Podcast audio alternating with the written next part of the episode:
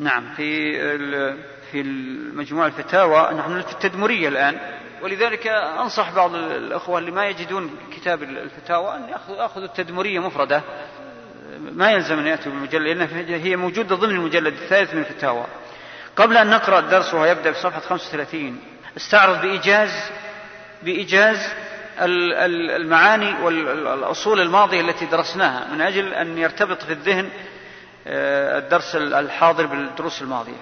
فأولا الشيخ في المقدمات الأولى قبل هذا الفصل أشار إلى قواعد مهمة أجملها وبدأ يفصل فيها الآن وهي أن الأصل الأصل الأصل فيما يتعلق بأسماء الله وصفاته وأفعاله إثبات ما أثبته الله نفسه وما أثبته له رسوله صلى الله عليه وسلم ونفي ما نفاه الله عن نفسه وما نفاه عنه رسوله صلى الله عليه وسلم. هذه قاعدة لا تتخلف وهي مقتضى قول عز وجل ليس كمثله شيء هو السميع البصير. ثم أشار إلى مقدمة للرد على أهل الأهواء الذين أولوا الصفات أو عطلوها هذه المقدمة لخصها الشيخ بأربعة أمور. الأمر الأول أنه قال القول في بعض الصفات كالقول في البعض الآخر.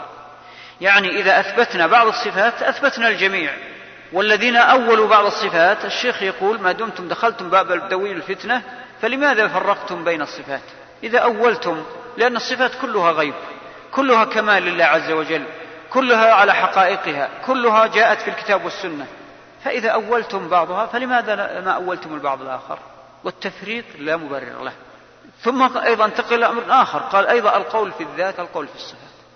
الذين أثبتوا الصفات وأنكروا الذات يقول لماذا؟ لا ليس هناك صفات بلا ذات ثم ضرب مثلين عظيمين في أن أسماء الله عز وجل وصفاته لا يجوز الكلام فيها بأكثر مما ورد في الكتاب والسنة وأنها أمور غيب لا يمكن قياس المخلوق فيها الخالق فيها على المخلوق وأن من قاس الخالق على المخلوق وقع في التأويل والتعطيل وفيما نهى الله عنه ووقع في الإلحاد في أسماء الله وصفاته الحاد الجزئي أو الكلي. ضرب لهذا مثلا قال في الخلق ولله المثل الأعلى قال هناك من المخلوقات ما لم تحيطوا بها علما كلكم البشر. كل البشر لم يحيطوا بها علما وهي مخلوقات ولها أوصاف ولها أسماء ولها حالات. ضرب مثلا الأول بالروح. قال أنتم الآن تكلمون في الله عز وجل بغير ما ورد في الكتاب والسنة وت... يعني تتعرضون لأسماء الله وصفاته بعقولكم وأهوائكم بدعوى القياس مع أنكم في خلق من خلق الله فيكم جميعا ما استطعتم تصلوا فيه إلى نتيجة. وهذا الخلق له صفات وأحوال ويعني سمات ومع ذلك لا تحكموا فيه برأي ولا بعقولكم. وهو الروح. كل إنسان معه روح. هذه الروح هل عرفتموها؟ يقول لهم الشيخ هل عرفتموها؟ الروح تصعد وتنزل وتفعل وتفعل ولها صفات ولها أحوال موصوفة بحقائق ومع ذلك لا أحد يدري من الروح. وهي مخلوق. ولله المثل الأعلى. إذا فلماذا تتحكمون في أسماء الله وصفاته بعقولكم؟ ثم ضرب مثلا آخر أيضا بنعيم الجنة. نسأل الله أن يجعلنا جميعا من أهلها. قال الجنة فيها نعيم وصف وشبه بنعيم الدنيا ومع ذلك ليس مثل نعيم الدنيا. وفيها ما لا عين رأت ولا أذن سمعت ولا أخطر على قلب بشر. وهي مخلوقة وموصوفة عندنا ومع ذلك صفات نعيمها يعني مع أنها من حيث الألفاظ تشبه ألفاظ نعيم الدنيا. فيها عنب فيها خمر وفيها لبن وفيها ماء وفيها أحوال أشياء كثيرة مما يوجد في الدنيا ومع ذلك هذا هذاك ليس كهذا. إذا من باب أولى أسماء الله وصفاته. فكأنه يقول لماذا ما تتورعون؟ آه ثم ذكر آه أشار إلى القواعد التفصيلية وخاتمة ستأتي. لكن القواعد التفصيلية أيضا لا مانع أخذ من الوقت ثلاث دقائق. لأنها مهمة في الحقيقة وينبني عليها تصور ما سنقرأه الآن وما سنقرأه مستقبلا وما قرأناه في الماضي.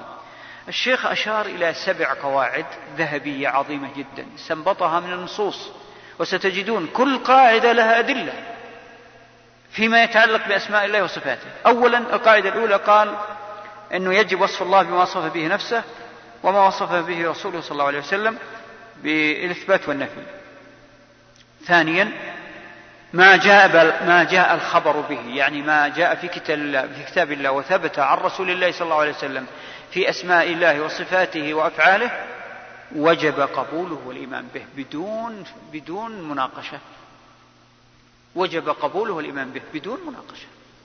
ثم ثالثا التفصيل في ظواهر النصوص. هل هي مرادة أو غير مرادة؟ يقول هذا كلام فلسفي. ليش تقولون ظواهر النصوص في أسماء الله وصفاته مراد أو غير مراد لا بد نفصل. إن قصدتم في أن ظواهر أسماء الله وصفاته ظاهرها بمعنى أنها حقائق نعم هي حقائق. وإن قصدتم بأن ظاهرها مراد بمعنى ظاهر التشبيه نقول لا. لأن الله عز وجل ليس كمثله شيء وهو السميع البصير. فيقول لا يعني تلبسوا على الناس بمثل هذه الأمور. تقول والله إذا كنا إذا كان ظاهرها مراد فمعناته وقعنا في التشبيه. إذا لابد نؤول. نقول لا ظاهرها مراد لكن ليس ظاهرها ما تتوهمونه. ظاهرها الحقائق. الله عز وجل موصوف بالحقائق. على ما يليق بجلاله. ثم ذكر رابعا نفي ما يتوهم من مماثلة المخلوقين. ثم خامسا نعلم أن ما أخبر ما أخبر الله به أنه معلوم من وجه وغير معلوم من وجه آخر. معلوم من حيث أنه حقيقة وغير معلوم الكيفيات. ثم القاعدة السادسة لا بد من ضابط للنفي والإثبات. والقاعدة السابعة أن كثير مما جاء به الشرع يدل على العقل دلالة إجمالية. العقل لا يستطيع أن أن يعرف التفاصيل. ما عرف نفسه؟ هل هل عرف العقل تفاصيل عن عن عن العقل نفسه؟ إذا التفاصيل العقل يعفى منها والله عز وجل ما كلفه بذلك. لكن الإجمال نعم. ما من عقل سليم إلا يدرك الكمال لله عز وجل على جهة الإجمال يدرك أن الشرع من جاء مصالح العباد على جهة الإجمال يدرك ضرورة البعث ضرورة النبوات إلى آخره على جهة الإجمال. أما التفصيل فلا. هذا ما سيفصله الشيخ في القواعد العامة. ثم أيضا نسيت مسألة مهمة أظن لا يسعني أن أتجاوزها حتى أذكرها لكم وإن ضاق الوقت. وربما نحتاج إلى التذكير بها ما بين وقت وآخر. وهو أن عندما ندرس العقيدة عموما أو عندما ندرس ما يتعلق بذات الله عز وجل وأسمائه وصفاته فإنا لا ندرس لمجرد المعلومة يا أخوان. هذه مسألة خطيرة ومهمة جدا يجب التنبيه عليها خاصة طلاب العلم المبتدئين. لا ندرسها لمجرد لمجرد المعلومة بل ندرس ذلك لنعظم الله عز وجل لنعظم الله في قلوبنا وعقولنا ومشاعرنا وجميع أحوالنا. إذا درسنا أسماء الله وصفاته فيجب أن تقع معانيها في قلوبنا على الوجه الذي يتقوى به إيماننا تقوى فيه أعمالنا أن نتقي الله في ذلك.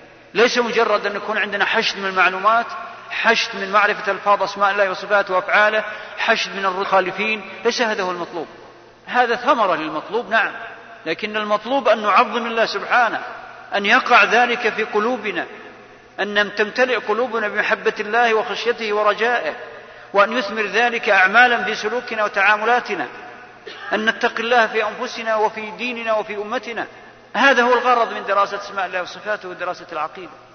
والمسلم أو طالب العلم إذا ما وجد في نفسه يعني آه، أثر للعقيدة فليعيد النظر في في منهجه. ما هو يعني يدرس العقيدة من أجل أنه, أنه يعني يستعرض عضلاته ضد المخالفين. لا هذا غرض آخر.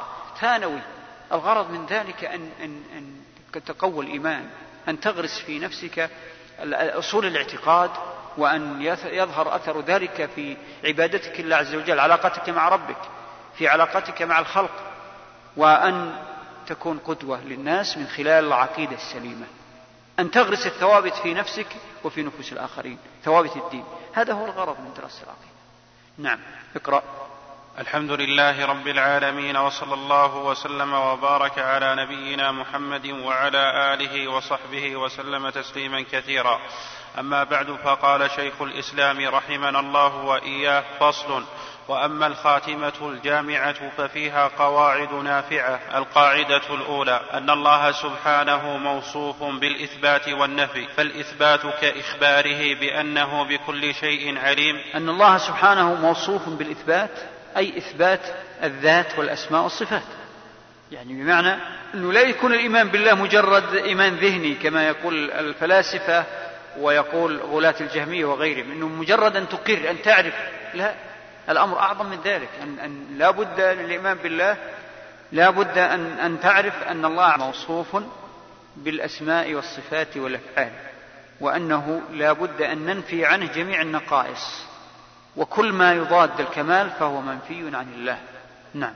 فالإثبات كإخباره بأنه بكل شيء عليم وعلى كل شيء قدير وأنه سميع بصير ونحو ذلك والنفي كقوله لا تأخذه سنة ولا نوم وينبغي أن يعلم أن النفي ليس فيه مدح ولا كمال إلا إذا تضمن إثباتا وإلا فمجرد النفي ليس فيه مدح ولا كمال لأن النفي المحض عدم محض والعدم لأن النفي المحض عدم محض. يعني لأنه المحي النفي الخالص عدم خالص. مثل قولهم تعالى الله عما يزعمون. وهذه هذه كلمة الفلاسفة وقال بها المتكلمون الذين أعجبوا بطرائق الفلاسفة. والفلاسفة مفاليس. العجيب أن الفلاسفة مفاليس. ما هو فقط في الدين في الدنيا والدين. ما في أفلس في الدنيا من الفلاسفة. وهذا حق يا إخوان. ما, ما نقول مجرد يعني ظن وتوهم. مفاليس. فلذلك يصفون الله عز وجل بمعاني الإفلاس. يكون لا داخل العالم ولا خارجه ولا ولا ولا ولا يوصف ولا غير قابل للوصف ولا عدم الوصف. طيب إذا هذا معدوم. خيال في أذهانهم بل ولا خيال. الخيال ممكن يتوهم له صفات. فالفلاسفة ليس ليس يعني لا نستغرب منهم لأنهم ملاحدة وأعداء الأنبياء. لكن الغريب ممن ينتسبون ينتسبون الإسلام من المتكلمين الذين أعجبوا بطرائق الفلاسفة جاءون بهذه البدع بدع النفي لأسماء الله وصفاته وبعضها تحت دعوى أن يعني النفي يقتضي إثبات الكمال يقتضي يعني تنزيه الله عن التشبيه. الشيخ يعني أراد أن يوقظ فيهم الفطرة إن كان عندهم فطرة العقول إن كان عندهم عقول. يقول يا ناس النفي المحض يدل على العدم المحض المثل النفي الخالص يدل على العدمية الخالصة وهذه تعرف بالبداهة. إذا كل شيء ما, ما عندك له إلا النفي معناته أن هذا معدوم نعم. والعدم المحض ليس بشيء وما ليس بشيء فهو كما قيل ليس بشيء ليس بشيء فضلا عن أن يكون مدحا أو كمالا. ولأن النفي المحض يوصف به المعدوم والممتنع والمعدوم والممتنع لا يوصف بمدح ولا كمال. فلهذا كان كان عامة ما وصف الله به نفسه من النفي متضمنا لإثبات مدح كقوله الله لا إله إلا هو الحي القيوم لا تأخذه سنة ولا نوم إلى قوله ولا يؤوده حفظهما فنفي فنفي فنفي فنفى السنة السنة والنوم يتضمن فنفي السنة والنوم يتضمن كمال الحياة والقيام وهو مبين لكمال أنه الحي القيوم وكذلك قوله ولا يؤوده حفظهما أي لا يكرثه ولا يثقله وذلك مستلزم لكمال قدرته وتمامها بخلاف المخلوق القادر إذا كان يقدر على الشيء بنوع كلفة ومشقة فإن هذا نقص في قدرته وعيب في قوته. وكذلك قوله وكذلك قوله لا يعزب عنه مثقال ذرة في السماوات ولا في الأرض فإنه نفى العزوب فإن نفي العزوب مستلزم لعلمه بكل ذرة في السماوات والأرض. وكذلك قوله ولقد خلقنا السماوات والأرض وما بينهما في ستة أيام وما مسنا من لغوب. فإن نفي مس اللغوب الذي هو التعب والإعياء دل على كمال القدرة ونهاية القوة بخلاف المخلوق الذي يلحق يلحقه من التعب والكلال ما ما يلحقه. وكذلك قوله لا تدركه الأبصار. إنما نفى, إنما نفى الإدراك الذي هو الإحاطة كما قاله أكثر العلماء. نعم نعم صح. ماشي ماشي. ولم ينفي مجرد الرؤية لأن المعدوم لا يرى وليس في كونه لا يرى لا يرى لا يرى. لا يرى مدح. إذ لو كان كذلك لكان المعدوم ممدوحا وإنما المدح في كونه لا يحاط به وإن رؤي. كما أنه لا يحاط به وإن علم فكما أنه إذا علم لا يحاط به علما فكذلك إذا رؤي لا يحاط به رؤية. فكان في نفي الإدراك. لذلك جاءت الآية على منتهى البلاغة ولا شك هي كلام الله عز وجل. ما نفى الرؤيا؟ ما قال لا تراه الأبصار؟ قال لا تدركه. وهذا هذا اللفظ يتضمن ضرورة أن هناك من الأبصار ما تراه وهي أبصار المؤمنين في الجنة يوم القيامة. فإن الله عز وجل ينعم عليهم بأن يمكنهم من رؤية التنعم برؤية الله عز وجل. لكن لا يحيطون لا يدركون. إذا تضمن المعنى ضرورة الرؤية. ولذلك لما تكلم بعض المعتزلة اللي عندهم فقه للغة في هذه الآية حاروا وداروا ما استطاعوا يتخلصون من دلالتها. مثل الزمخشري. الزمخشري عندما جاب الآيات التي تثبت الرؤية هذه الآية وقول عز وجل وجوه يومئذ ناظرة إلى ربها ناظرة صار يلف يدور بطريقة عجيبة لأنه ما استطاع أن يتخلص من فقه اللغة ويفقه اللغة. يفقه يعلم أن أن معنى لا تدرك الأبصار أنه لا يمكن الإدراك إلا بعد رؤية لا يمكن نفي الإدراك إلا بعد رؤية. نفي الإدراك لا يمكن إلا بعد ثبوت رؤية ولا لماذا ينفي الإدراك؟ الإدراك هو الإحاطة. فالله عز وجل أعظم من أن تحيط به الأبصار بمعنى تدركه لكنه لكنها تراه. فهذا التضمن ضروري ضروري بمعنى اللغة والمقتضى العقل السليم والفطرة. نعم. العامة غالبا إذا قيل عامة فهي الأغلب يعني إلا النادر والنادر لا حكم له. هذا غالبا في استعمال عامة. نعم. وعلى حال إخوان بعض الناس يعني يتوهم أنه إذا جاء لفظ العموم في أي شيء في أمر شرعي أو قدري أو كوني أنه يعني استحالة استثناء العموم. لا ما ما يعني يعني الله عز وجل يعني جعل حتى للسنن الكونية استثناءات. سنن الله ليس لها تبديل وليس لها تحويل أليس كذلك. لكن مع ذلك الله عز وجل قد يعني يكون في تدبيره وملكه ما يستثني به. هذا الاستثناء ما يخرق القاعدة. أليس من سنن الله التي لا تتحول ولا تتبدل أن الشمس ستطلع من المشرق وتغرب من المغرب إلى أن يأذن الله بخروجها عند قيام الساعة؟ هذه سنة من سنة من سنة الله. ومن ذلك ومع ذلك وقفت لنبي من أنبياء الله. وهذا هذا لا يعني أن سنة الله تحولت وتبدلت؟ لأن الشاذ لا يعتبر النادر لا حكم له. فكذلك حتى السنن الشرعية. الله عز وجل على كل شيء قدير. ولذلك من سنن الله عز وجل ومن أحكامه التي لا تتبدل أن الله يعذب المشركين والكفار الخلص عذابا أبديا يوم القيامة في النار. أليس كذلك؟ ومع ذلك لما جاء في الشفاعة وانتهت الشفاعات الله عز وجل ورد عنه أنه صحيح أنه يقبض قبضة بيده من أهل النار ممن لم يعملوا خيرا قط. ولله الأمر من قبل ومن بعد. ما للبشر اعتراض. وهذا لا يخرق الأبدية لأن الأبدية هي الحاكمة القواعد هي الحاكمة. لكن النادر الاستثناء هذا أمر لا يعقد الاستثناء القليل أو الشاذ لا يخرق القواعد لا الكونية ولا الشرعية. نعم.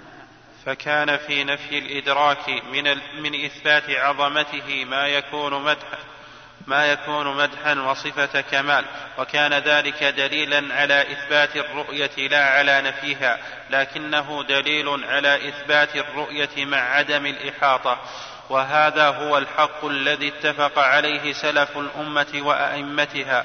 وإذا تأملت ذلك وجدت كل نفي لا يستلزم ثبوتا هو مما لم يصف الله به نفسه فالذين لا يصفونه إلا بالسلوب لم يثبتوا في الحقيقة إلها محمودا بل ولا موجودا وكذلك من شاركهم في بعض ذلك. كالذين قالوا لا يتكلم أو لا يرى أو ليس فوق العالم أو لم يستوي على العرش ويقولون ليس نعم بس نقف هنا بارك الله فيك لأنه هذا المقطع له استقلالية.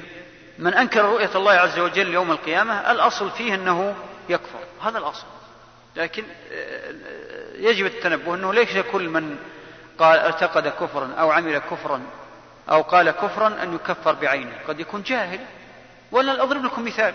لو واحد منكم الآن إذا خرج للشارع قابل مجموعة من العوام السذج الذين لا يفهمون شيء وقال لهم هل تؤمنون برؤية الله؟ يمكن بعضهم ينكر لأنه يظن هذا عظيم يظن شنيع في الدين لأنه ما سمع بشيء اسمه رؤية. ألم يرد هذا؟ أنكر الرؤية لكن هل أنكرها عالما بمعناها بأصلها عالما بقدرها في الدين عالما بنصوصها؟ لا.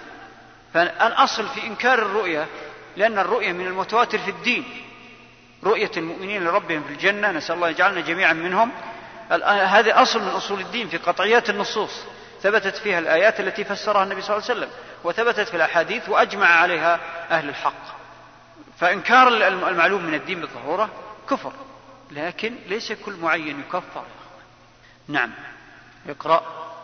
الحمد لله رب العالمين وصلى الله وسلم وبارك على عبده ورسوله محمد أما بعد فقال المؤلف رحمنا الله وإياه ويقولون ليس بداخل العالم ولا خارجه ولا مباين للعالم ولا محايث له إذ هذه, الصفات إذ هذه الصفات يمكن أن يوصف بها المعدوم وليست هي صفة مستلزمة صفة الثبوت ولهذا قال محمود بن سبكستكين لمن ادعى ذلك في الخالق ميز لنا بين هذا الرب الذي تثبته وبين المعدوم وكذلك كونه لا يتكلم أو لا ينزل ليس في ذلك صفة مدح ولا كمال بل هذه الصفات فيها تشبيه له بالمنقوصات أو المعدومات فهذه الصفات منها ما لا يتصف به إلا المعدوم ومنها ما لا يتصف به إلا الجمادات والناقص. نعم هذه تقرير حقيقة بدهية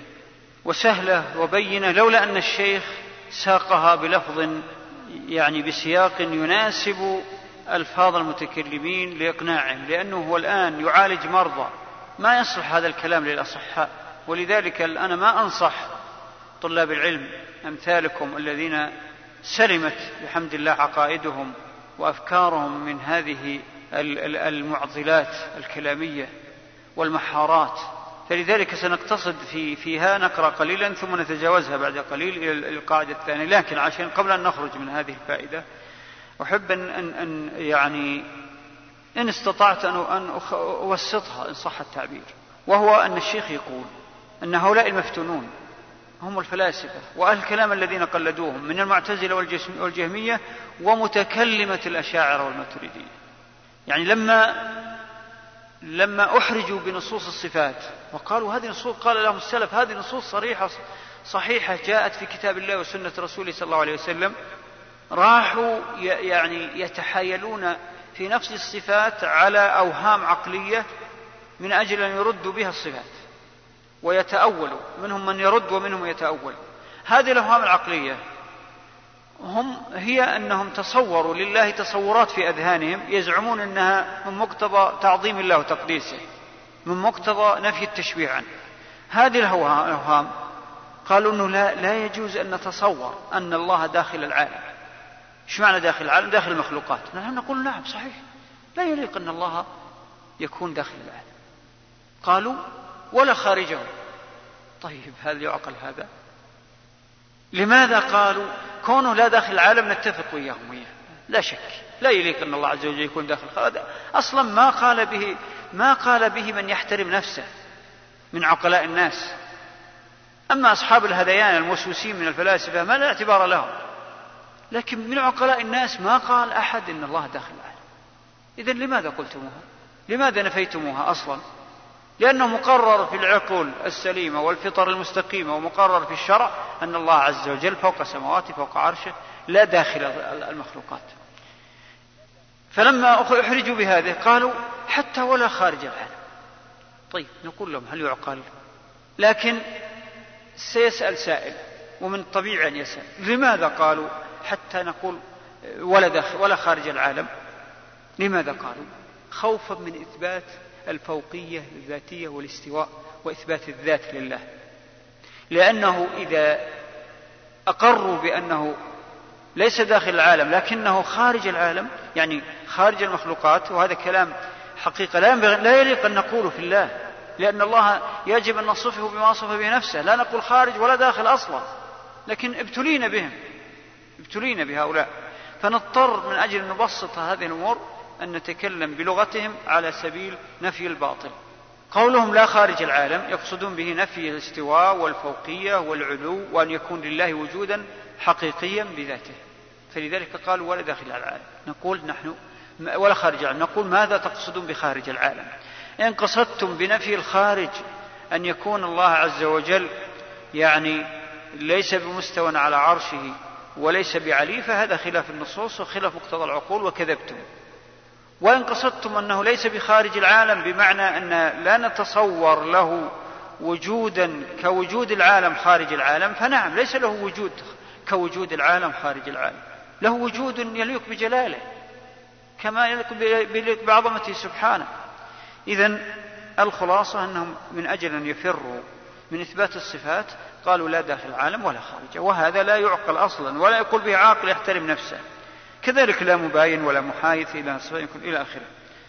ولذلك قال أحد العقلاء يعني لما ادعى له بعض المتكلمين مثل هذا الكلام قال إذا ميز لنا بين هذا الرب الذي تعتقده وبين المعدوم.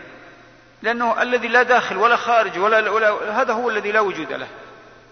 إذا فالله عز وجل مستوى على عرشه.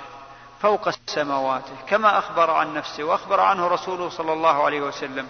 وله وجود حقيقي يليق بجلاله ولا بد من هذه الحقيقة. وإلا فإن من تصور غير ذلك فلا بد أن يبقى قلبه خاويا لم يمتلئ بالإيمان الحقيقي. ولذلك كل أهل الكلام يعني الذين تأملوا في حالهم بعد كبر السن أو بعد مدة طويلة كلهم لما تأملوا حالهم وجدوهم وجدوا أنفسهم لا يعتقدون شيئا. وصرحوا بذلك. لأنه إذا كنت تعتقد أنه إن, إن, إن, أن ربا ليس داخل العالم ولا خارج العالم وين يكون؟ لا وجود له. وكل هذا كل الباقي الكلام يدور على هذه الفلسفة. لكن لا مانع أن نقرأ مقطع يكون فيه مثال وتوضيح ثم نترك الباقي من الوساوس والأوهام لأن عافية الله أوسع لنا. نعم. فمن قال لا هو مباين للعالم ولا مداخل للعالم فهو بمنزلة فهو بمنزلة من قال لا هو قائم بنفسه ولا بغيره ولا قديم ولا محدث ولا متقدم على العالم ولا مقارن له.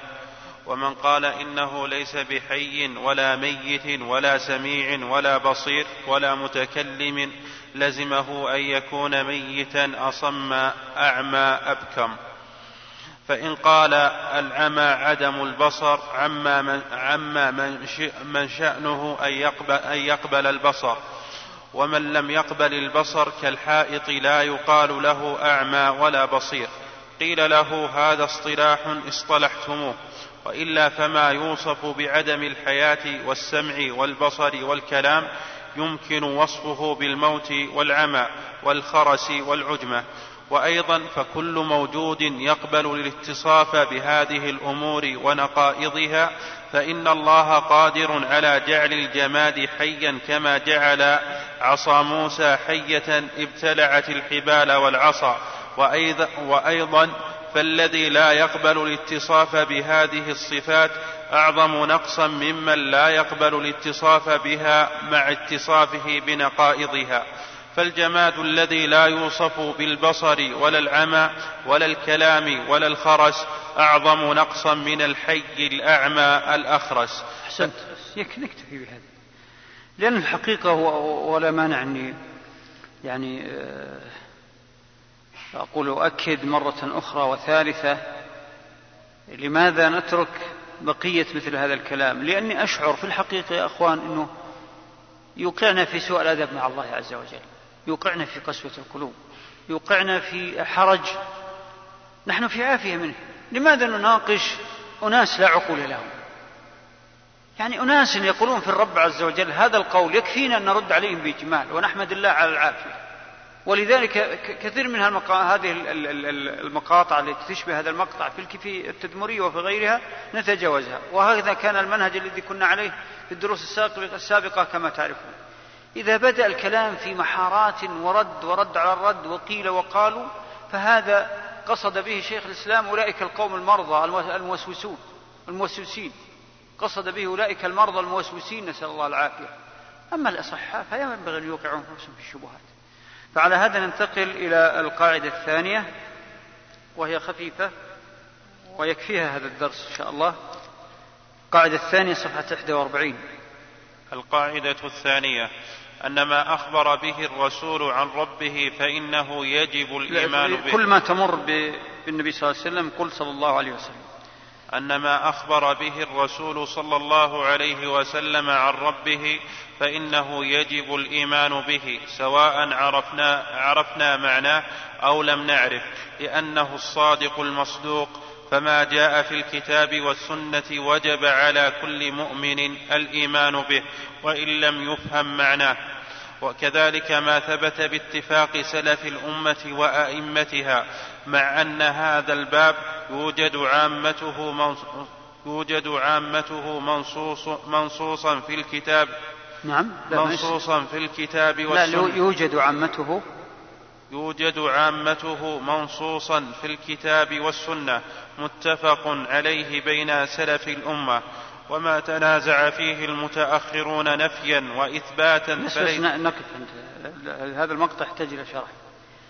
طبعا هذه القاعدة أيضا قاعدة عظيمة عظيمة وهي مقتضى ما يسلم به القلب قلب المؤمن يسلم به قلب المسلم لأنها قاعدة ينبني عليها تأسيس الدين كله مو فقط في الصفات لكن الصفات أعظم ما يجب من المسلم تجاه ربه عز وجل وهي أعظم يعني مقامات التوحيد ما يتعلق بأسماء الله وصفاته والأخبار عنه هذه القاعدة تتلخص في أن ما جاء عن الله تعالى وعن رسوله صلى الله عليه وسلم في أسماء الله وصفاته وأفعاله وجميع أمور الدين وجب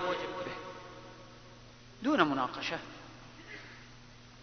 دون مناقشة لأن نحن نتكلم عن أمور القطعيات الأمور التوقيفية الغيبية لماذا؟ لأنه أولا لا يمكن أن المسلم يسلم له إيمانه حتى يخضع ابتداء ويسلم بأن الخبر عن الله وعن رسوله صلى الله عليه وسلم حق وصدق. فلا بد من أب يبني في قلبه تجاه هذه النصوص أربعة مباني. المبنى الأول التصديق والمبنى الثاني التسليم بكل معانيه. التسليم بمعنى الإيمان والتسليم بمعنى الإذعان والتسليم بمعنى القبول قبول الخبر. الاستعداد الكامل للتصديق وللعمل ينبني هذا على التسليم. ثم بعد ذلك القبول. إذا سلمت فاقبل. هناك من يدعي أن يسلم لكنه لا يقبل. الأمر الرابع أنه لا يلزم من القبول الفهم الدين. ما كل الناس يفهمون.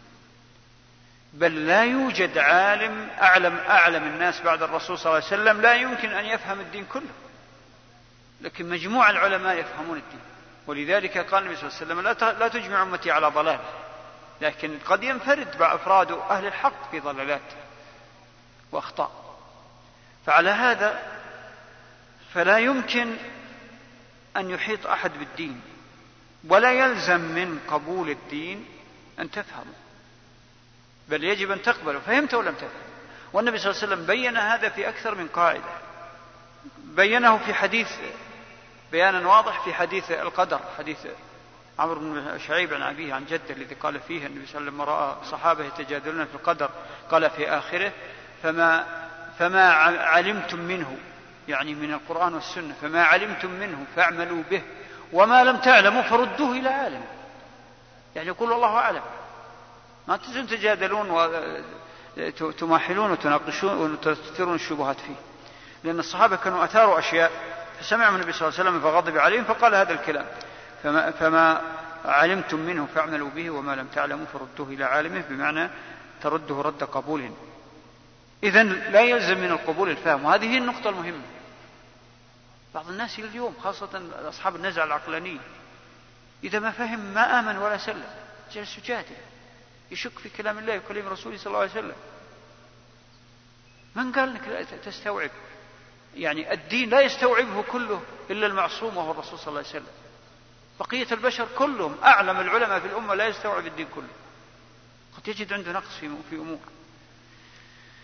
آه، اذا لابد من مبنى الأمر على التسليم. إذا كان الأمر كذلك فاذا إذا المسلم غرس في نفسه هذه القاعدة جاءه خبر عن الله عز وجل في أسمائه وصفاته في القرآن أو ثبت في الصحيح في, في, في الصحيح. فما عليه إلا أن يسلم وأن يقبل وأن يذعن وأن يعلم أن خبر الله حق وخبر رسول الله صلى الله عليه وسلم حق. أمور الصفات ليست عملية إنما تثمر عمل. وهذا ما أشرت إليه في أول الدرس وأكرر الإشارة إليه لأن كثير من طلاب العلم تجاوز هذا الأمر الخطير.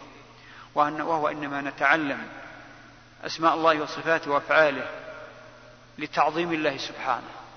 لغرس معاني الإيمان في قلوبنا لأنه ما من صفة واسم لله عز وجل إلا وفيه معاني إذا امتلأ به القلب تحقق معنى الإيمان في المسلم. فلا بد أن نقصد في دراسة أسماء الله تعظيم الله عز وجل وأن نقصد بذلك تقوية الإيمان في قلوبنا وأن نقصد تزكية أعمالنا كذلك. فالمسلم إذا سلم بهذه القاعدة لا يمكن أن يؤول لا يمكن أن يثير شك في أسماء الله وصفاته. لا يمكن أن تشكل عليه ألفاظ الأسماء والصفات. وما ذكره الشيخ هو ما ينطبق على الحديث السابق حديث الهرة. هو أحسن مثال له أقرب مثال. جاء هذا الحديث نسلم بأنه حق والنبي صلى الله عليه وسلم أخبر بالصدق ونقبله. ولا يلزم من فهم من إيماننا أن نفهم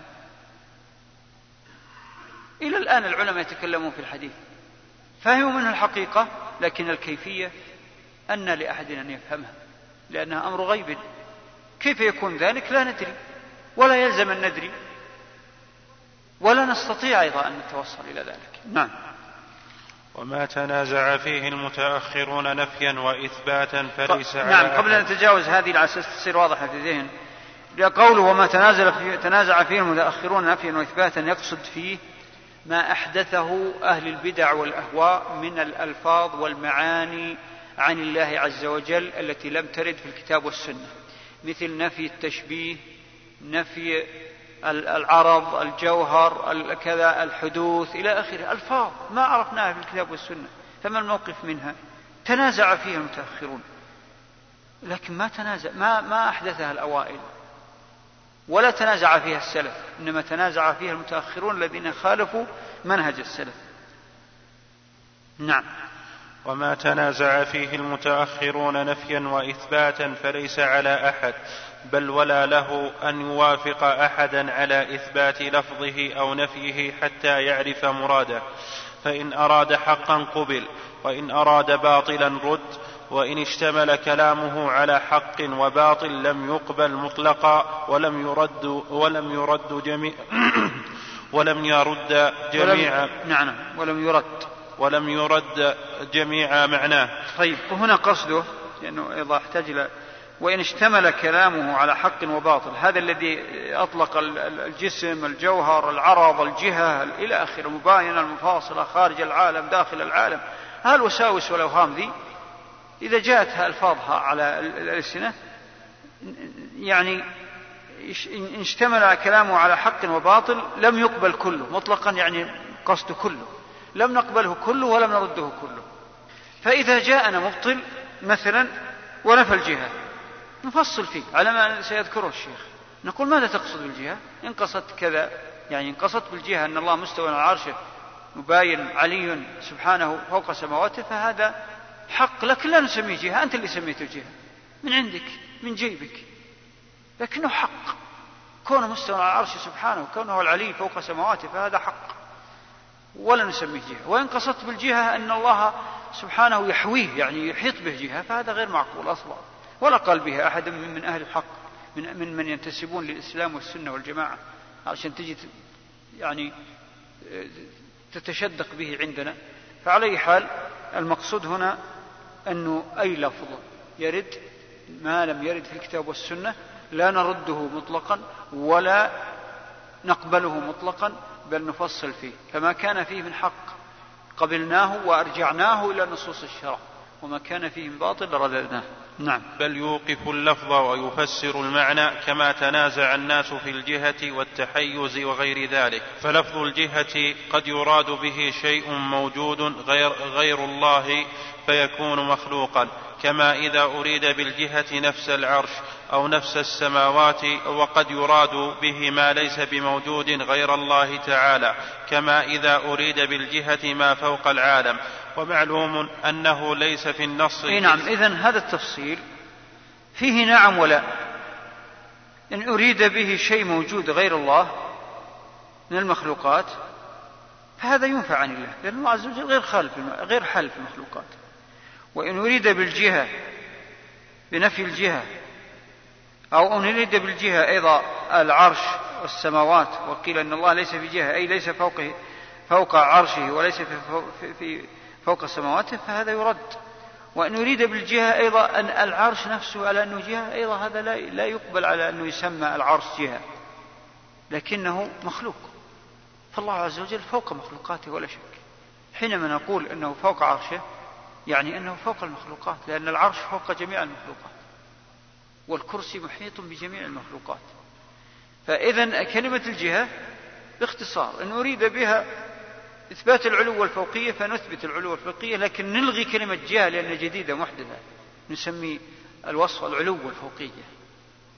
وإن أريد بالجهة مكان يحوي الله عز وجل تعالى الله عن ذلك. فلا شك أن هذا منفي ومعلوم أنه ليس في النص إثبات لفظ الجهة ولا نفيه كما فيه إثبات العلو والاستواء والفوقية والعروج إليه ونحو ذلك. وقد علم أنه ما ثم موجود إلا الخالق والمخلوق والخالق مباين للمخلوق سبحانه وتعالى. ليس في مخلوقاته شيء من ذاته ولا في ذاته شيء من مخلوقاته. فيقال لمن نفى الجهة أتريد بالجهة أنها شيء موجود مخلوق فالله ليس داخلا في المخلوقات. أم تريد بالجهة ما وراء العالم فلا ريب أن الله فوق العالم مباين للمخلوقات. وكذلك يقال لمن قال الله في جهة أتريد بذلك أن الله فوق العالم؟ أو تريد به أن الله داخل داخل في شيء من المخلوقات؟ فإن أردت الأول فهو حق وإن أردت الثاني فهو باطل. نعم فهو حق لكن لا نسميه جهة. يعني بمعنى لا نثبت لله شيء اسمه الجهة ولا ننفي عن الله شيء اسمه الجهة. هذا كله ما لم يرد في الكتاب والسنة. لكن كلمة جهة لها معاني. فالمعنى الحق نثبته ونرده إلى لفظ الشر نقول فوقية. والمعنى قصدي لفظ الحق نأخذه نقبله ونرده إلى اللفظ الشرعي. والمعنى الباطل نرده مطلقا. فعلى هذا كلمة جهة متحيز مباين إلى آخره كلها ألفاظ محدثة لا تثبت لله عز وجل ولا تنفى نعم. وكذلك لفظ التحيز. إن أراد به أن الله تحوزه المخلوقات فالله أعظم وأكبر بل قد وسع كرسيه السماوات والأرض وقد قال الله تعالى وما قدر الله حق قدره والأرض جميعا قبضته يوم القيامة والسماوات مطويات بيمينه. وقد ثبت في الصحيح في الصحاح عن النبي صلى الله عليه وسلم أنه قال يقبض الله الأرض ويطوي السماوات ويطوي السماوات بيمينه ثم يقول أنا الملك أين ملوك أين ملوك الأرض؟ وفي حديث آخر وإنه ليدحوها كما يدحو الصبيان بالكرة. وفي حديث ابن عباس ما السماوات السبع والأراضون والأراضون السبع ومن في وما فيهن في يد الرحمن إلا كخردلة في يد أحدكم. وإن أراد به أنه منحاز عن المخلوقات أي مباين لها منفصل عنها ليس حالا فيها فهو سبحانه كما قال أئمة السنة فوق سماواته على عرشه بائن من خلقه. نعم أحسنت. فتلاحظون بحمد الله وضوح السنة. فالشيخ رحمه الله يقرر شيء ثم يستدل عليه بأدلة صحيحة. ويجب علينا تجاه هذه النصوص إذا جاءت أن نستصحب الأصل دائما. لا ننسى القاعدة وهو أن الله عز وجل ليس كمثله شيء وهو السميع البصير.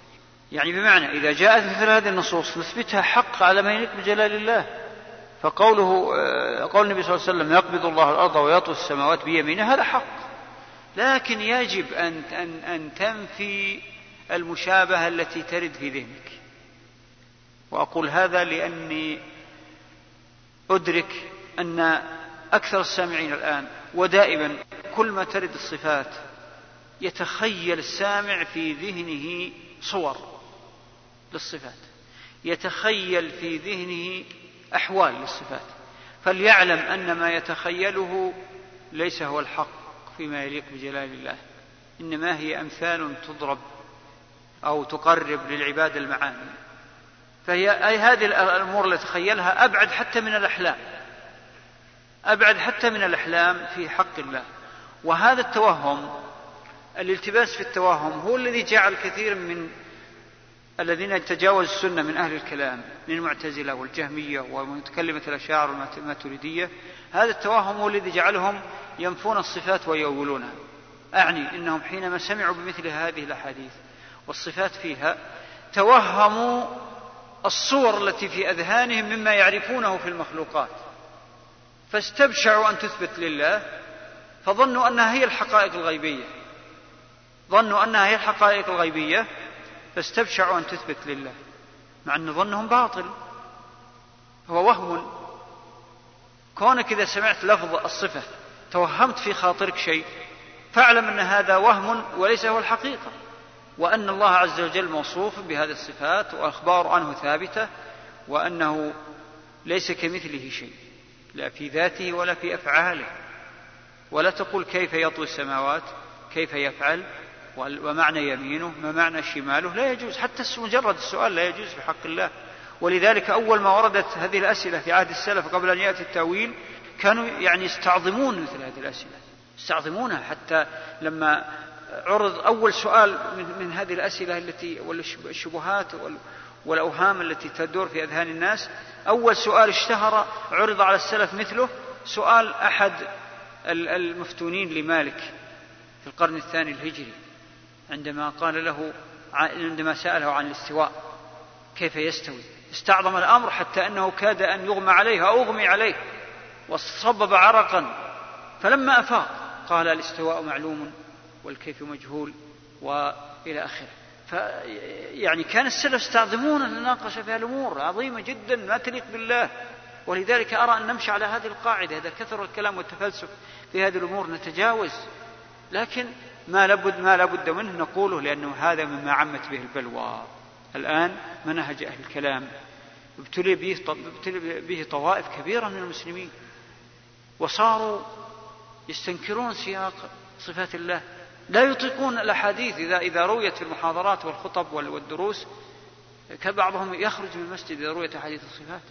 ما يطيقها لأنه تعود الأوهام هذه وعاش عليها. فلذلك أقول نقرر بقدر وينبغي أن نفهم أن سبب أو من أسباب وقوع أولئك القوم في هذه الخيالات والترهات هو أنهم حينما تخيلوا الصفات في أذهانهم ظنوا أن هذا الخيال هو الحقيقة وليس الأمر كذلك.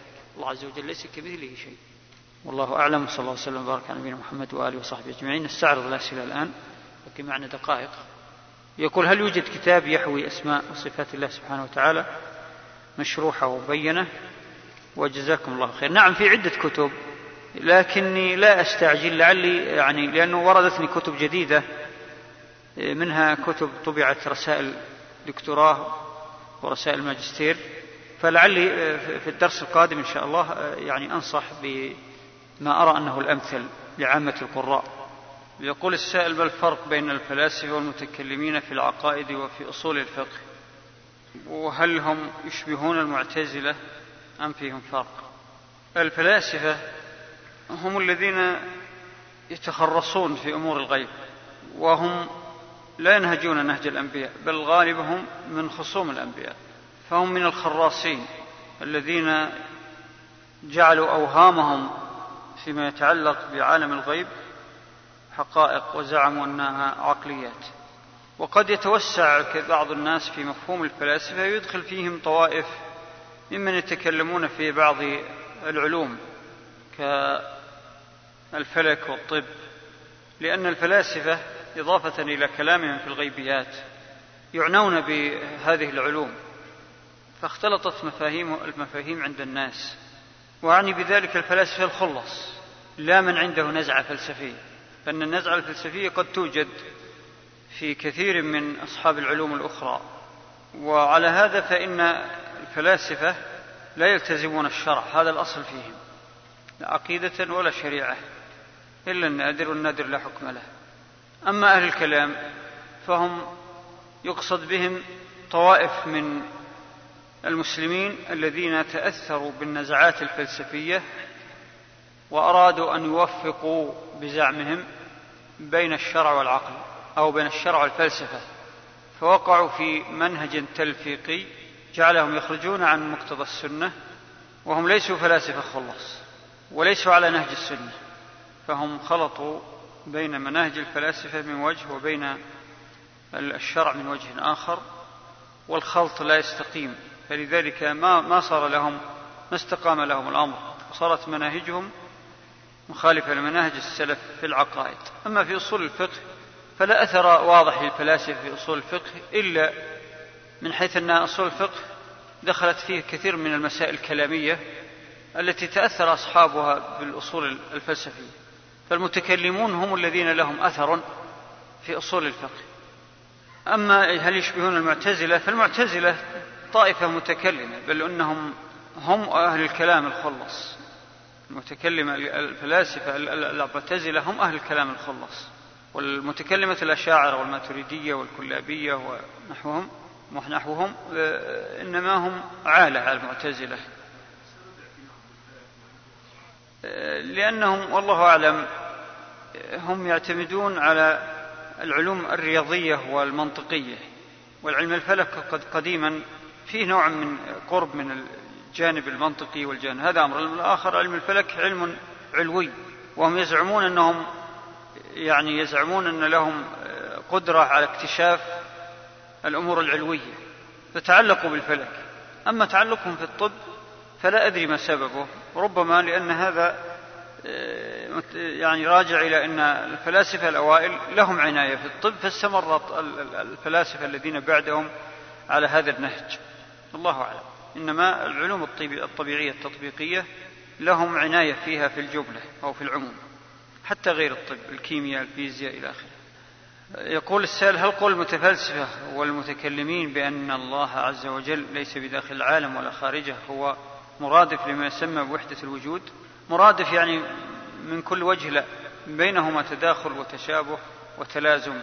فإن كثيرا من أصحاب وحدة الوجود قد يقولون بهذا القول لأن أصحاب وحدة الوجود أيضا ليسوا على تصور واحد في قولهم في الله عز وجل فبعضهم يزعم أن هذا الوجود هو الله.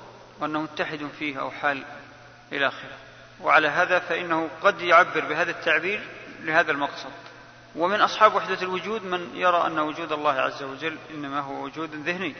فأيضا ينطبق عليهم الوصف أو يمكن أن ينطلق منهم الوصف أنه لا داخل العالم ولا خارجه. المهم ليس هذا من لوازم قول وحدة الوجود إنما قد يلزم من بعض الوجوه. يقول بالنسبة لصفات الله عز وجل يجب التسليم فيها ويشترط فهمها ولكن بعض السلف يذم من يسمي من يسمى بالمفوضة فما الفرق بين هؤلاء؟ نعم التسليم التسليم بما جاء في حق الله عز وجل من الأسماء والصفات والأفعال أمر ضروري لكل مسلم والفهم المشترط قد يقصد به الفهم بمعنى الإيمان بأن أسماء الله وصفاته وأفعاله حقائق فهذا واجب على كل مسلم أن يسلم بذلك أنها حقائق. أما نقصد بالفهم فهم التفصيلات والكيفيات فهذا مستحيل ولا ينبغي المسلم أن يطمح إليه بل أن الخوض فيه مجرد الخوض فيه في بدعة. هذا فالفهم إذا الفهم كلمة فهم آه، لها معاني واحتمالات كثيرة. يقول بعض السلف يذم من يسمى المفوضة لأن المفوضة لا يثبتون إثباتا حقيقيا وليس عندهم يقين بالإثبات. فهم متذبذبون. وغالبهم لا يثبت أصلا. لأنهم سموا مفوضة لأنهم يقولون نفوض نفوض المعنى. أو نفوض الحقيقة. وهذا غير صحيح. يعني إذا فوضناه ما أثبت نحن نثبت المعنى ونثبت الحقيقة. لكن على ما يليق بجلال الله عز وجل. ونفوض الكيفيات.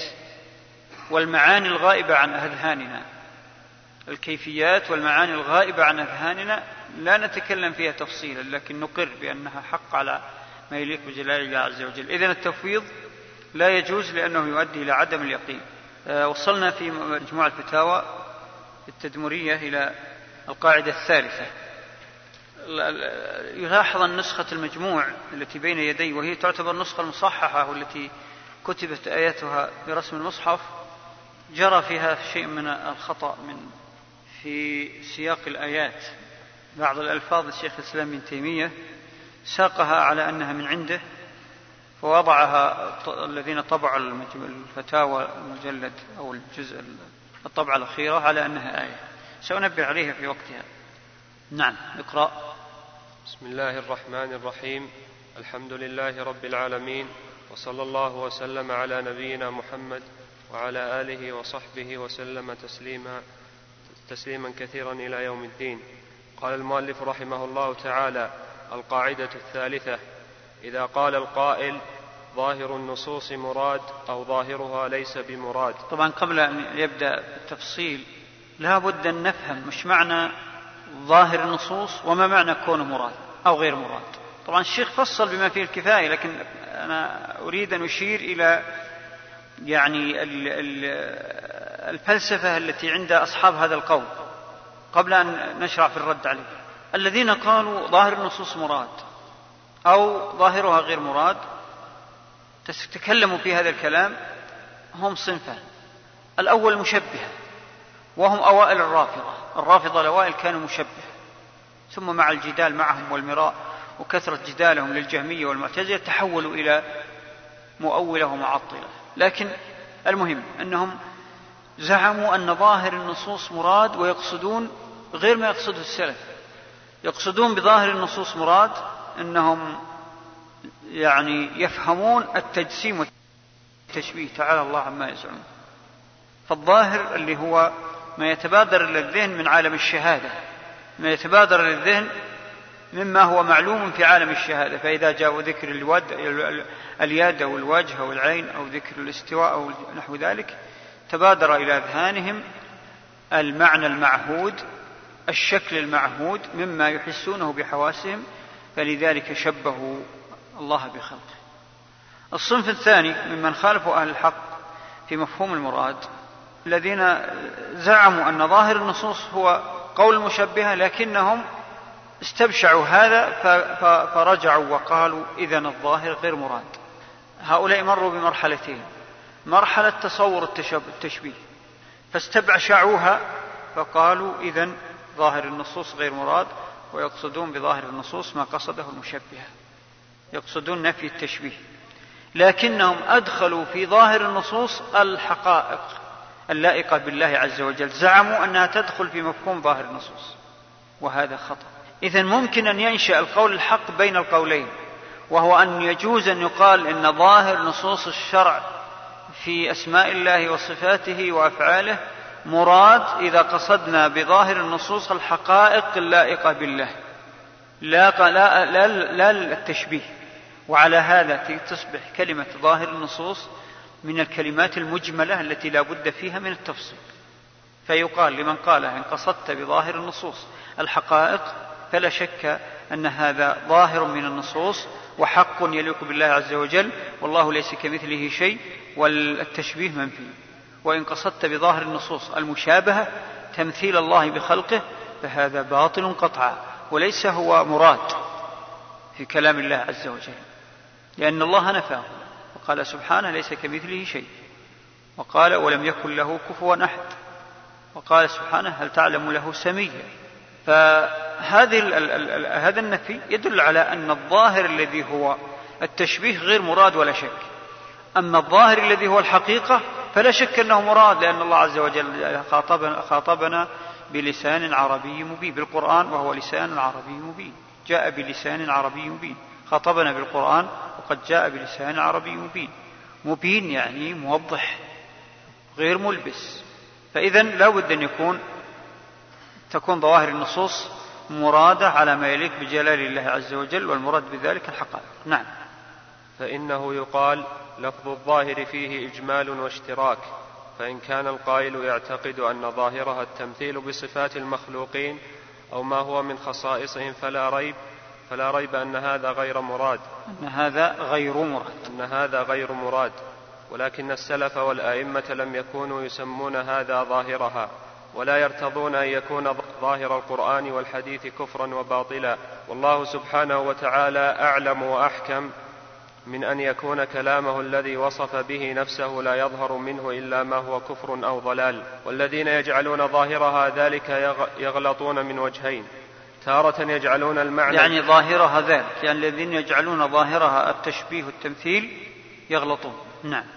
تارة يجعلون المعنى الفاسد ظاهر اللفظ حتى يجعلوه محتاجا إلى تأويل يخالف الظاهر ولا يكون كذلك. وتارة يردون المعنى الحق الذي هو ظاهر اللفظ لاعتقادهم أنه باطل. فالأول كما قالوا في قوله عبدي جعت فلم تطعمني. نعم فلم تطعمني. فلم نعم. تطعمني. الحديث. وفي الأثر الآخر الحجر الأسود يمين الله في الأرض فمن صافحه أو قبله فكأنما صافح الله وقبل يمينه. وقوله قلوب العباد بين أصبعين من أصابع الرحمن. طبعا الحديث السابق في الحجر الراجح أنه لا يصح حديث لكنه مرفوع عن ابن عباس. وعلى هذا فإن وإن فإنه يؤتى به من باب عضد الأدلة لا من باب الاستدلال المستقل. فالأدلة قبله وبعده كافية لأنها وردت في الصحاح. نعم. وقوله قلوب العباد بين أصبعين من أصابع الرحمن فقالوا قد علم قد علم. قد علم أن ليس في قلوبنا أصابع الحق. فيقال لهم لو أعطيتم النصوص حقها من الدلالة لعلمتم أنها لم تدل إلا على حق. أما الواحد فقوله الحجر الأسود يمين الله في الأرض فمن صافحه وقبله فكأنما صافح الله وقبل يمينه. صريح في أن الحجر الأسود ليس هو صفة لله ولا هو نفس يمينه. لأنه قال يمين, يمين الله في الأرض وقال فمن قبله وصافحه فكأنما صافح الله وقبل يمينه. يقصد بذلك طبعا قال معلوم أن المشبه غير المشبه به يعني تشبيه هو يقصد بذلك أنه لما جاء وصف الحجر بأنه يمين الله على طول الخط نفينا مسألة المشابهة وأن هذه صفة ما تكون صفة. ما يقصد بيمين الله ما يقصد بها على المعنى الآخر الذي جاء في سياق أمر غيبي بحت. لماذا؟ لأن الأمر تعلق بشيء عن الحجر الذي نراه ونشاهده من عالم الشهادة. ولأن الحجر في الأرض الله عز وجل علي على عرشه فهو بذاته ليس في الأرض. فإذا ينتفي كونه يقصد بذلك صفة اليد. ينتفي. لماذا؟ لأنه جاء الخبر عن أمر معهود نراه ونشاهده وصفات الله لا نراها ولا نشاهدها ولا نعلم كيفيتها.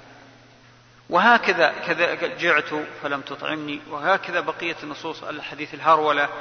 جاء مربوط بأفعال الخلق وأوصاف الخلق. فما الأمر كذلك. اذا لا يعني هذا أن المقصود به صفة الله. ليس المقصود به صفة الله عز وجل التي هي متعلقة بذاته. إنما المقصود به يعني آه، تقريب الأمر للأذهان المقصود به لوازمه القريبة منه التي تفهم من من النص. ولذلك أي نص يتعلق بأفعال الله عز وجل يرتبط بأفعال الناس فلا بد أن يقيد في يعني وصف الله به أن يقيد بهذا الارتباط. ولذلك يعني لا ينبغي أننا نفرد صفة المكر لله عز وجل دون إيراد سياقها إنه يمكر بالماكرين ويمكر بالكافرين والمنافقين وكذلك الاستهزاء. لا بد أن يرتبط في آذهاننا أن ليس الاستهزاء صفة صفة منفصلة عن لازمها في مثل هذا السياق. إنما نقول إن الله عز وجل استهزئ بالكفار بالمنافقين بالمستهزئين. لابد أن نرتبط هذا بأذهاننا لأنه جاء الأمر في على قبيل المجازات والمشاكلة أو على قبيل آه، آه، الارتباط آه، ارتباط الوصف بمخلوق مثل الحجر. فإذا كان الأمر كذلك لم يعد يحتاج إلى أن يكون كالصفات الغيبية البحتة ولا أن يتأول تأولا بعيدا لأنه أول نفسه. ما من نص جاء فيه ذكر خبر عن الله عز وجل مرتبط بعالم الشهادة إلا وتأويله في سياقه. ولذلك لا يسمى تأويل يسمى تفسير. فسرنا النص بذاته بسياقه. سياقه الموجود ضمنه. نعم. ومعلوم أن المشبه ليس هو المشبه به ففي نفس الحديث بيان أن مستلمه ليس مصافحا لله وأنه ليس هو نفس يمينه. فكيف يجعل ظاهره كفرا لأنه محتاج إلى التأويل؟ مع أن هذا الحديث إنما يعرف عن ابن عباس. ليت الشيخ يعني بين هذا قبل أن يفصل فيه أنه موقوف على ابن عباس. نعم. بلى فيه إشارة. نعم. وأما الحديث الآخر فهو في, فهو في الصحيح مفسرا. يقول الله عبدي جعت فلم تطعمني.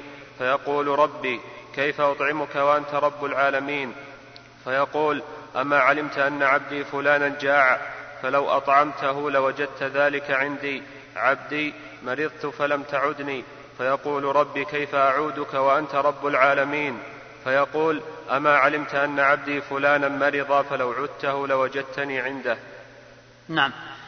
فعلا مثل هذا الحديث نموذج للأحاديث التي أشكلت على كثير من أهل الكلام وعلى المشبهة فالمشبهة جعلوها ذريعة للتشبيه وأهل الكلام جعلوها ذريعة للتأويل مع أنهم لو استقاموا على نهج السلف لكان هذا الحديث حجة على استقامة نهج السلف وبيانه ووضوحه وهو أن السلف يفرقون بين النص في صفة غيبية بحتة وبين النص الذي جاء خبر عن الله عز وجل في أمر يتعلق بأحوال المخلوقين.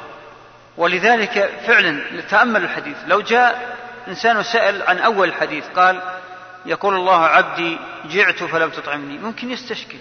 نقول اقرأ الحديث وتجد الجواب. أليس كذلك؟ اقرأ الحديث الحديث جوابه فيه. لأنه نفس الحديث أورد فيه أن, أن, أن العبد يقول كيف؟ يعني يسأل يستنكر أمر ما كان يتصوره. كأن يعني أو ما يخرج في ذهنه أن الله عز وجل يحتاج. ففسر له أن المقصود به حاجة العبد. وهذا من البلاغة والبيان والإيجاز في ومن جوامع الكلم للنبي صلى الله عليه وسلم حينما عبر عن ربه عز وجل في مثل هذا الحديث. فالحديث مفسر لا يحتاج إلى تأويل. وتفسيره ليس تاويلا لأنه خبر عن أمر يتعلق بالمخلوق فيما يعني وعد الله به عباده في ذلك. فلا يعني يعتبر تأويل. نعم. نعم. وهذا صريح في أن الله سبحانه لم يمرض ولم يجع ولكن مرض عبده وجاع عبده فجعل جوعه جوعه ومرضه مرضه. مفسرا ذلك بأنك لو أطعمته لوجدت ذلك عندي ولو عدته لوجدتني عنده فلم يبق في الحديث لفظ يحتاج إلى تأويل. الله أكبر. نعم. وأما قوله قلوب العباد بين أصبعين من أصابع الرحمن فإنه ليس في ظاهره أن القلب متصل بالأصابع ولا مماس لها ولا أنها في جوفه ولا في قول القائل هذا بين يدي هذا بين يدي ما يقتضي مباشرته ليديه. وإذا قيل السحاب المسخر بين السماء والأرض لم يقتضي أن يكون مماسا للسماء والأرض ونظائر هذا كثيرة. ومما يشبه هذا القول أن يجعل اللفظ نظيرا لما ليس مثله كما قيل في قوله ما منعك أن تسجد لما خلقت بيدي؟ فقيل هو مثل قوله أولم يروا أنا خلقنا لهم مما عملت أيدينا أنعاما؟ إيه هنا فرق بين اللفظين. يعني في الآية الأولى تثبت صفة اليد لله عز وجل لأن الله أضافها إلى نفسه. أضافها إلى نفسه بيدي. بينما في الآية الأخرى أولم يرنا خلقنا لهم مما عملت أيدينا آه، نسب العمل لمن؟ للأيدي للصفة. فرق بين آه، إلحاق الوصف بالذات وبين إلحاق الوصف بالصفة أو العمل بالصفة. ومع ذلك تبقى الآية مجملة لكن دلالتها ليست كدلالة بيدي وبيدي. وبيده كما ورد في ألفاظ النصوص الأخرى التي تثبت إلحاق الصفة بذات الله عز وجل كما يليق بجلاله. أما ثم أيضا الخصوصية والعموم بينما فرق. مما عملت أيدينا أنعاما هذا الأنعام ليس لها خصوصية إنما خلقت كبقية الخلق بخلاف آدم. فقد يعني خلق بعناية من الله خاصة وأنه خلقه بيده. إذا معنى مما عملت أيدينا غير معنى خلقت بيدي. فدلالة خلقت بيدي على الصفة أقوى وأصرح من دلالة مما عملت أيدينا. لأن هناك أضاف الصفة لذاته وهنا أضاف الفعل للصفة. وأيضا العموم غير الخصوصية. فالأنعام داخلة في عموم الخلق وهي خلقت كما خلقت المخلوقات العامة بخلاف آدم فإن الله خلقه بيده. وأحيانا قال جاء, جاء لفظ اليد بالتثنية أو أحيانا يأتي بالإفراد وأحيانا يأتي بالجمع وهذه سيأتي الكلام عنها سيتكلم عنها الشيخ بعد قليل. نعم.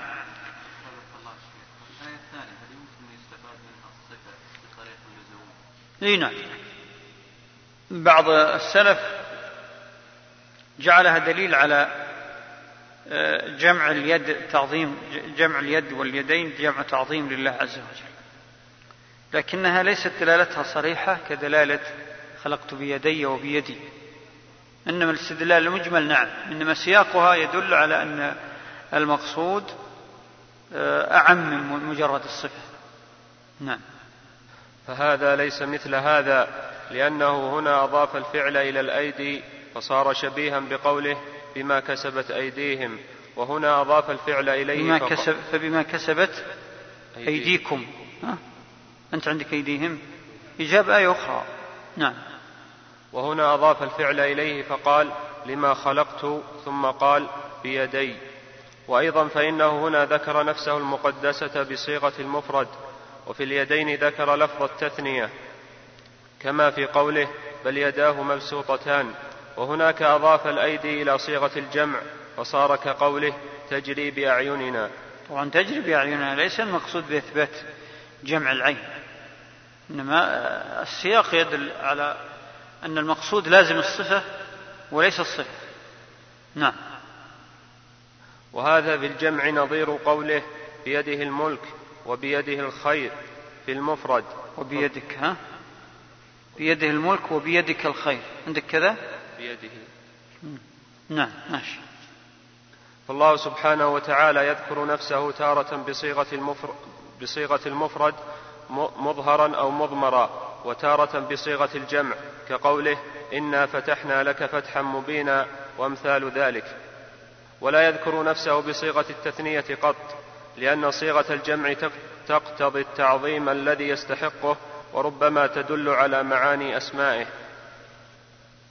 طبعا فرق بين التعبير عن الذات وبين التعبير عن الصفة لأن الصفات لله عز وجل تتعدد بينما الذات لا تتعدد لا تتعدد. وإذا جاء التعبير عن ذات الله عز وجل أو عن نفس الله أو عن ما يتعلق بذلك فإنه يأتي على أحد وجهين إما بالإفراد أو بالجمع على سبيل التعظيم لله عز وجل.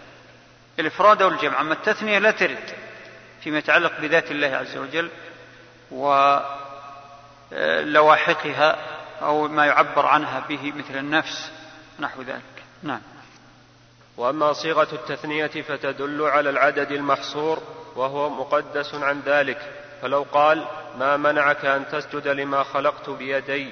لما كان كقوله مما عملت أيدينا وهو نظير قوله بيده الملك وبيده الخير. ولو قال خلقت بصيغة الإفراد لكان مفارقا له فكيف إذا قال خلقت بيدي بصيغة التثنية؟ هذا مع دلالات الأحاديث المستفيضة بل المتواترة وإجماع السلف على مثل ما دل عليه القرآن كما هو مبسوط في موضعه مثل قوله المقسطون عند الله على منابر من نور عن يمين الرحمن وكلتا يديه يمين. الذين يعدلون في حكمهم وأهليهم وما ولوا وأمثال ذلك. طبعا مثل هذه النصوص لا ينبغي أن تقاس على مفاهيم الخلق ولا على مدارك الخلق ولا على مقاييس الخلق مهما كانت. حتى المقاييس الضرورية عند الخلق. لا يجوز ان ان أن تحكم بها صفات الله والأخبار عن الله سبحانه لأن الله ليس كمثله شيء. فلذلك لا ينبغي أن تدخل العقول في مثل هذه المجالات. يعني ممكن أن يأتي متحذلق ويقول وصف اليدين كلاهما بأنها يمين هذا يستحيل. نقول يستحيل لانك قست وإلا فالله عز وجل لا يقاس بخلقه وهذا نص صريح يجب التسليم به وأنه على الحق على الحقيقة كما يليق بجلال الله عز وجل. فإذا لا يجوز أن نأخذ معاني صفات الله عز وجل وأسمائه وأفعاله والإخبار عنه على مقاييس الخلق إطلاقا. لأن هذا يتنافى ويتعارض مع كونه عز وجل ليس كمثله شيء. نعم.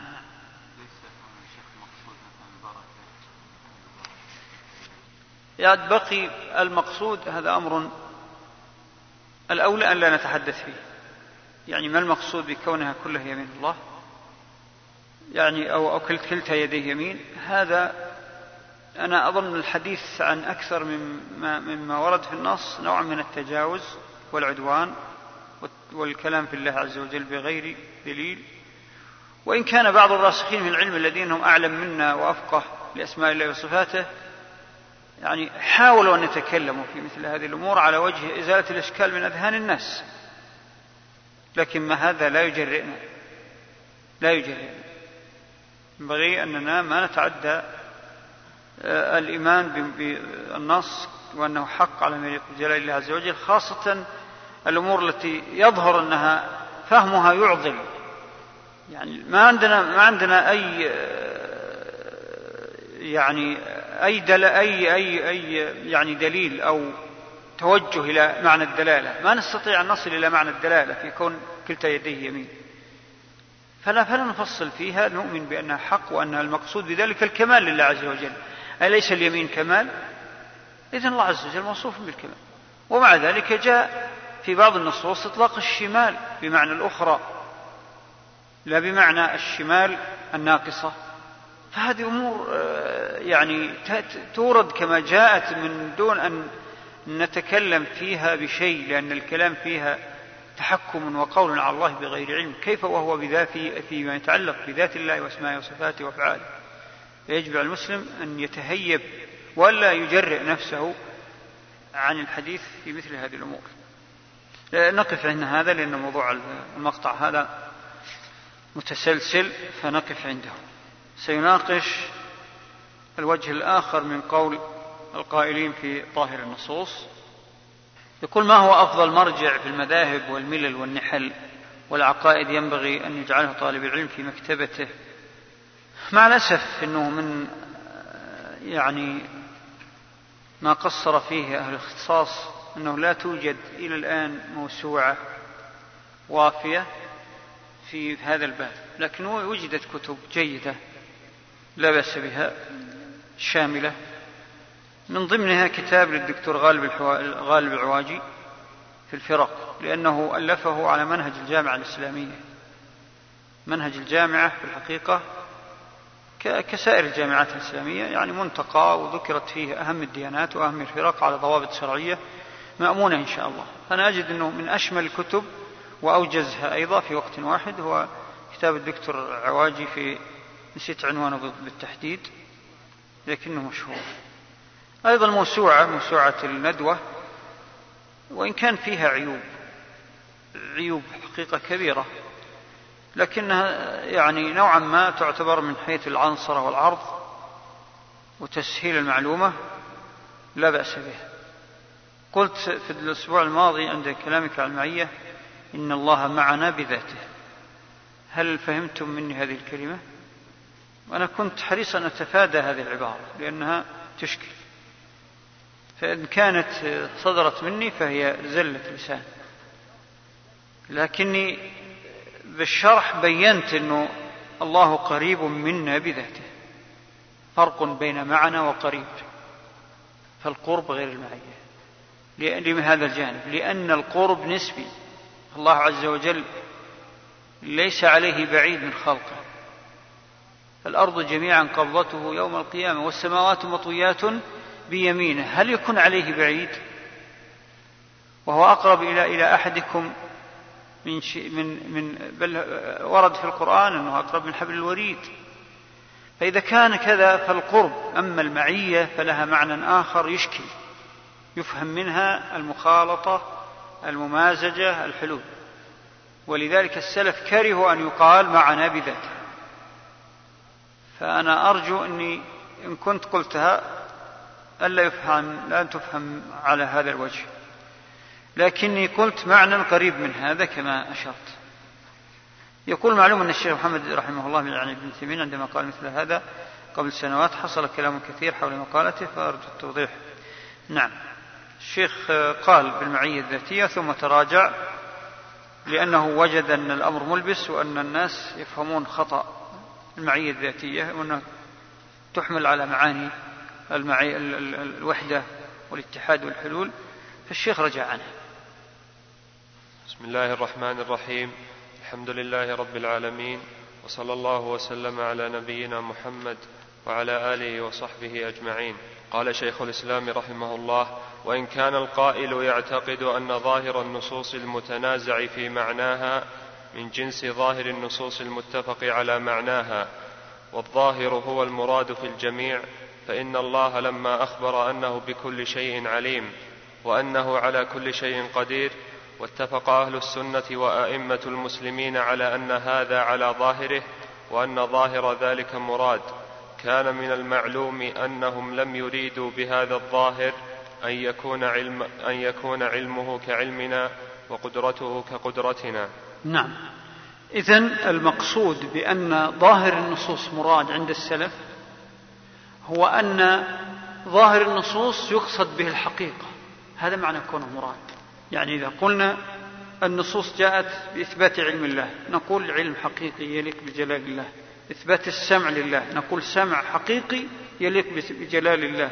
البصر بصر حقيقي يليق, بجلال الله. إذا الظاهر هو إثبات الحقيقة. لأن كلمة الظاهر فيها لبس سيفصل فيها الشيخ لكن أقصد هنا أنه قول السلف يراد بالنصوص ظاهرها هو أن الله يعني خاطبنا وأخبرنا بحق على الحقيقة. ليس فيه لبس ولا تلغيز ولا مجازات ولا تأويلات. وأن الحقيقة غير الكيفية. يراد بالنصوص الصفات ظاهرها اللي هو الحقيقة لا الكيفية. لأن الظاهر يطلق على أمرين. يطلق على الحقيقة وهي لا شك أنها تثبت لله. ويطلق الظاهر أحيانا على الكيفية الظاهرة المعلومة من شواهد الخلق. فجزما الله عز وجل ليس كمثله شيء. فهذا الظاهر الموهوم ليس هو المراد. إنما الظاهر المقصود والمراد هو الحقيقة. من غير كيفية. نعم. وكذلك لما اتفقوا على أنه حي حقيقة عالم حقيقة قادر حقيقة لم يكن مرادهم أنه مثل المخلوق الذي هو حي عليم قدير. فكذلك إذا قالوا في قوله تعالى يحبهم ويحبونه رضي الله عنهم ورضوا عنه وقوله ثم استوى على العرش أنه على ظاهره أنه على ظاهره لم يقتضي ذلك أن يكون ظاهره استواء كاستواء المخلوق ولا حبا كحبه ولا رضا كرضاه.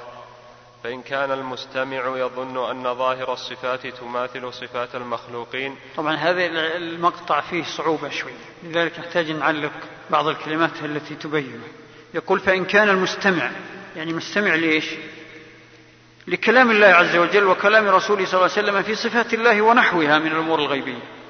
إن كان المستمع يظن أن ظاهر الصفات تماثل صفات المخلوقين اكتبوا وهذا خطأ ووهم. لزمه ألا يكون شيء من ذلك من ظاهر ذلك مرادا. نعم. لزمه ألا يكون شيء من ظاهر ذلك مرادا وأن, وإن كان يعتقد أن ظاهرها ما يليق بالخالق ويختص به لم يكن له نفي هذا الظاهر. طبعا وهو الحق. وإن كان يعتقد أن ظاهرها هو ما يليق بالخالق ويختص به وهو الحق. اكتبوا وهو الحق. لم يكن له نفي هذا الظاهر. يعني كيف ينفي الحق؟ ونفي أن يكون مرادا إلا بدليل يدل على النفي وليس في العقل ولا السمع ما ينفي هذا إلا من جنس ما ينفي به سائر الصفات فيكون الكلام في الجميع واحدا. وبيان هذا أن صفاتنا منها ما هي أعيان وأجسام وهي أبعاض لنا كالوجه واليد ومنها ما, ومنها ما هو معان وأعراض وهي قائمة بنا كالسمع والبصر والكلام والعلم والقدرة. ثم إن من المعلوم أن الرب لما وصف نفسه بأنه حي عليم قدير لم يقل, لم يقل, لم يقل المسلمون إن ظاهر هذا غير مراد. لأن مفهوم ذلك في حقه مثل مفهومه في حقنا. فكذلك لما وصف نفسه بأنه خلق آدم بيديه لم يوجب ذلك أن يكون ظاهره غير مراد. لأن مفهوم ذلك في حقه كمفهومه في حقنا بل صفة الموصوف تناسبه.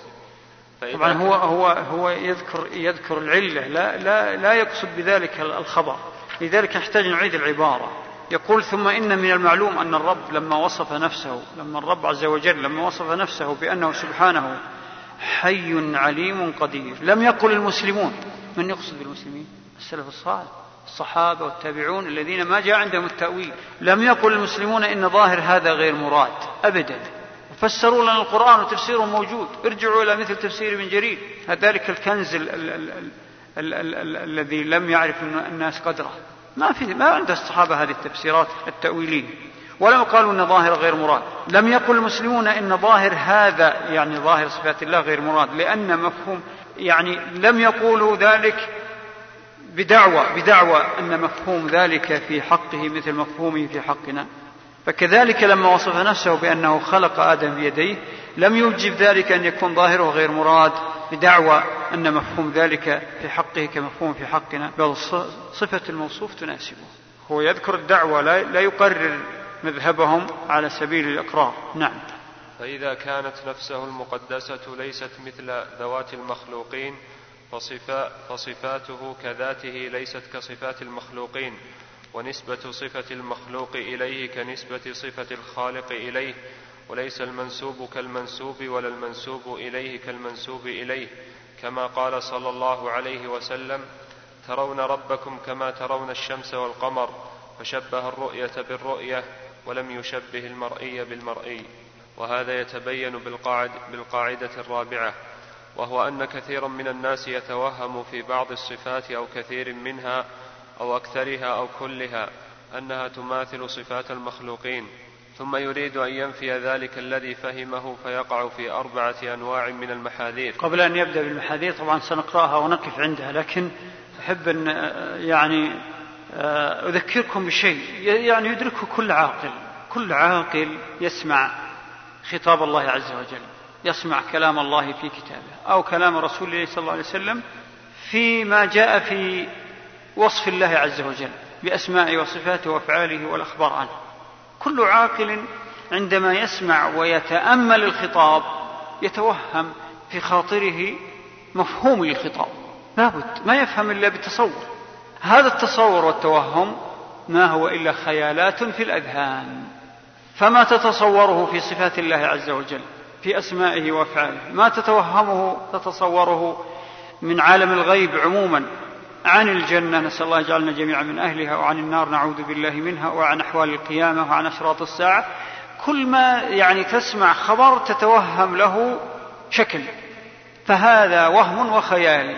الشيخ يريد أن يبين أنه فعلا الذين وقعوا في التأويل مشكلتهم أنهم لما سمعوا بأسماء الله وصفاته وأفعاله توهموا لها صور فنفروا من هذه الصور فظنوا أنها الصور هي التي خوطبوا بها في الكتاب والسنة. فاضطروا للتأويل والتعطيل. فأدى هذا إلى الخلل عندهم في الاعتقاد. وزعموا أن الإثبات تشبيه. تشبيه في أذهانهم وليس في حقيقة الأمر.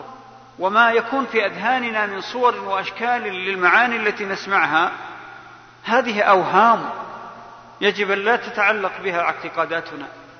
إنما أوهام وأحيانا تكون أمثال تضرب. أمثال تقرب لمعاني الحقيقة لا للحقيقة. فالحقيقة الغيبية أبعد من أن نتخيلها على ما يقرب من حقيقتها لأن الله عز وجل قال عن صفاته عن نفسه سبحانه ليس كمثله شيء. شوفوا المبالغة. ليس كمثله شيء سبحانه وهو السميع البصير. نعم. فيقع في أربعة أنواع من المحاذير أحدها كونه مثل ما فهمه من النصوص بصفات المخلوقين وظن أن مدلول النصوص هو التمثيل. الثاني أنه إذا جعل ذلك هو مفهومها وعطله بقيت النصوص معطلة عما دلت عليه من إثبات الصفات اللائقة بالله. نعم هو, يعني أراد شيء واضح لأنه لو أدرجنا عبارة صارت يعني منتظمة أو منتظم المعنى وهو قوله أنه الثاني الثاني من المحاذير التي آه، وقع فيها المؤولة حينما توهموا أنه أي الذي أول وعطل جعل ذلك جعل ذلك أي ما توهمه في خياله هو مفهومها. فنفر من هذا المفهوم لأنه اعتقده لأنه وقف عنده لأنه تصور أنه هو المطلوب من النص تصور أنه هو الخطاب وهذا غلط. إذا هذا المتوهم جعل وهمه هو مفهوم النصوص. ثم أراد أن ينزه الله عز وجل عن الخيال الذي توهمه مع أن الله منزه سلفا عن خياله. لكنه ظن أن دلالة النصوص هي هذه الأوهام فسماها تشبيه. فأول النصوص وأنكر دلالتها بدعوى أنه أنه تشبيه وما ذلك إلا وهم في عقله القاصر. نعم. فيبقى مع جنايته على النصوص وظنه السيء الذي ظنه بالله ورسوله صلى الله عليه وسلم حيث ظن أن الذي يفهم من كلامهما هو التمثيل الباطل.